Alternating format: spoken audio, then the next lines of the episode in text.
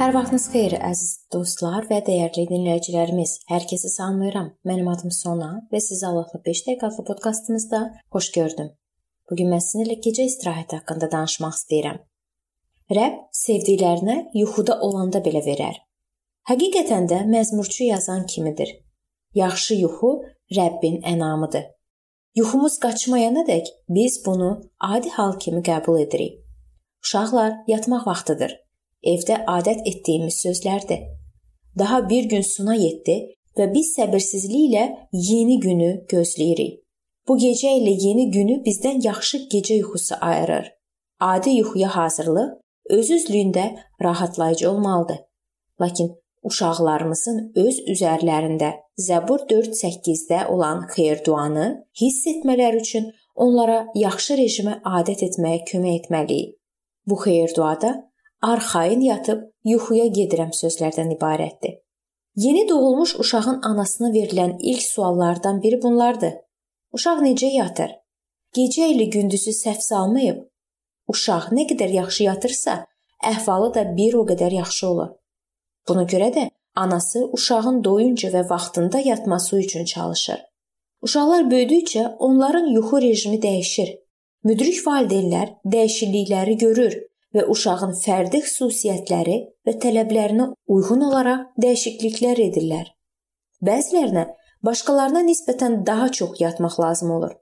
Lakin yaxşı olar ki, qısa, gündüz və uzun gecə yuxusuna riayət edən rejiminiz olsun. Birinci sinifə gedən uşağa uyğunlaşma dövründə kömək lazım ola bilər. Gündüz yuxusunu itirdiyi üçün və məktəbdəki fiziki və əqli yükləmələr səbəbindən ona uzun gecə yuxusu zəruridir. Müasir ümumi təhsil məktəbləri şagirdlərin sistematik yuxusuzluğu səbəbindən uşaqların öyrədilməsində çətinliklərlə üzləşir. Uşaqlar telefonda və ya kompüter önündə oturduqları üçün gec yatırlar.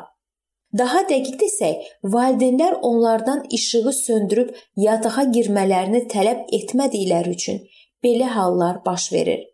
İmanlı valideynlər belə bir həqiqəti daim xatırlayırlar. Zəbur 126:2-də yazılıb.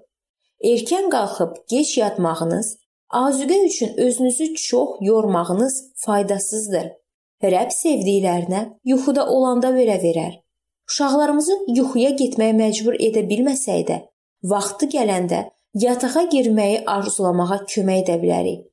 Uşaqlarımıza zəhmətkeşlərin yuxusu şirin olur sözlərini əzbərləmək heç vaxt tez deyil.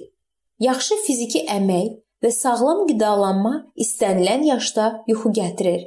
Bu uşaqlarımıza bostan şumlamaq, ot biçmək və digər gündəlik işləri həvalə etmək üçün səbəblərdən biridir.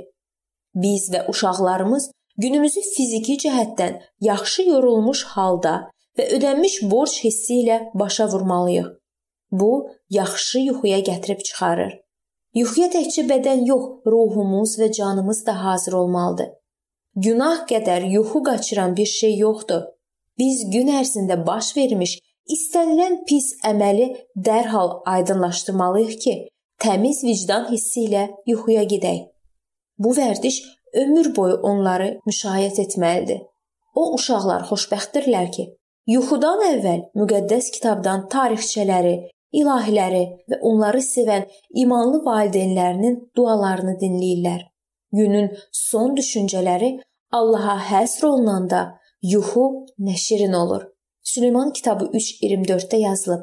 Qorxusuz, rahat yatarsan, şirin yuxu taparsan.